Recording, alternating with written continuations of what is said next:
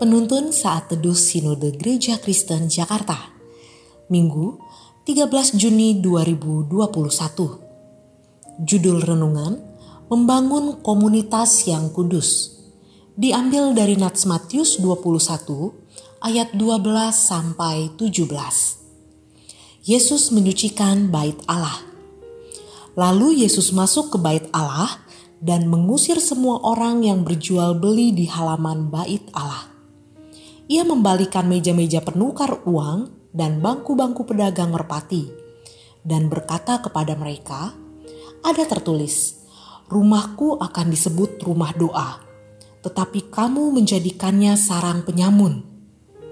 Maka datanglah orang-orang buta dan orang-orang timpang kepadanya dalam bait Allah itu dan mereka disembuhkannya.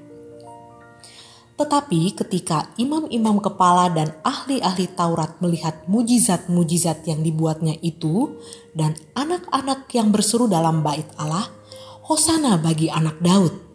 Hati mereka sangat jengkel. Lalu mereka berkata kepadanya, Engkau dengar apa yang dikatakan anak-anak ini?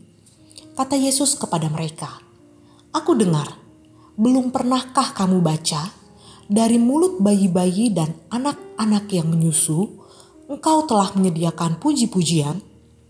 Lalu ia meninggalkan mereka dan pergi keluar kota ke Betania dan bermalam di situ.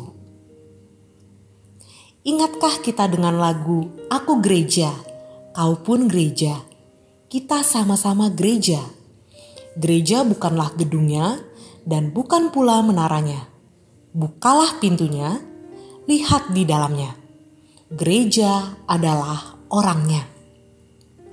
Kutipan lagu ini mendeskripsikan bahwa gereja dan peribadatan tidak terbatas oleh ruang dan waktu. Gereja adalah satu komunitas murid Kristus sepenuh waktu.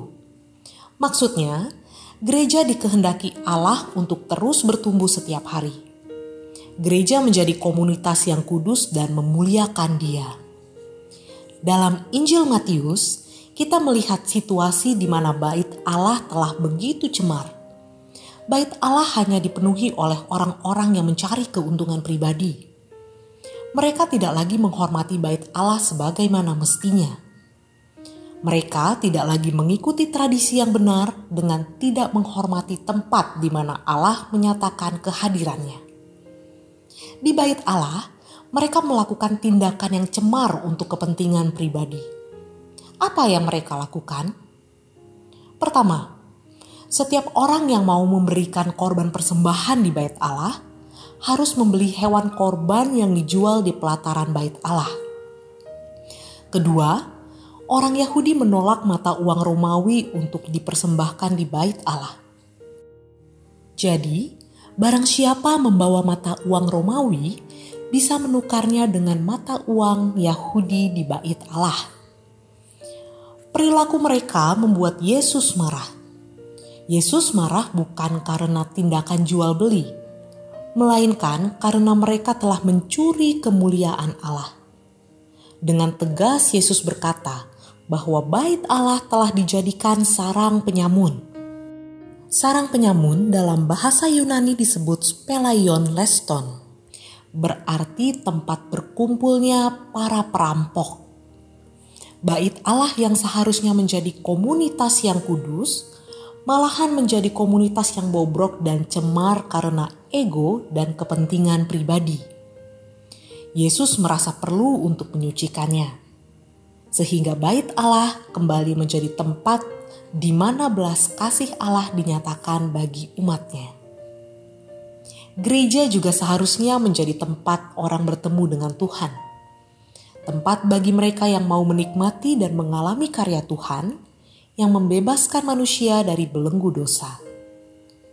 Kita adalah umat Tuhan yang dipanggil sebagai agen Allah untuk memfungsikan gereja sebagaimana seharusnya menjadikan gereja yang berfungsi sesuai firman Tuhan merupakan tugas kita sebagai anggota tubuh Kristus. Kita harus mengembalikan gereja kepada fungsi yang seharusnya. Akhirnya, kita bisa menjadi sarana untuk menyatakan kasih Allah kepada sesama. Semua dilakukan bagi kemuliaan nama Tuhan. Komunitas yang kudus adalah komunitas yang tidak mengedepankan kepentingan pribadi, melainkan kepentingan Tuhan di atas segalanya. Terpujilah nama Tuhan.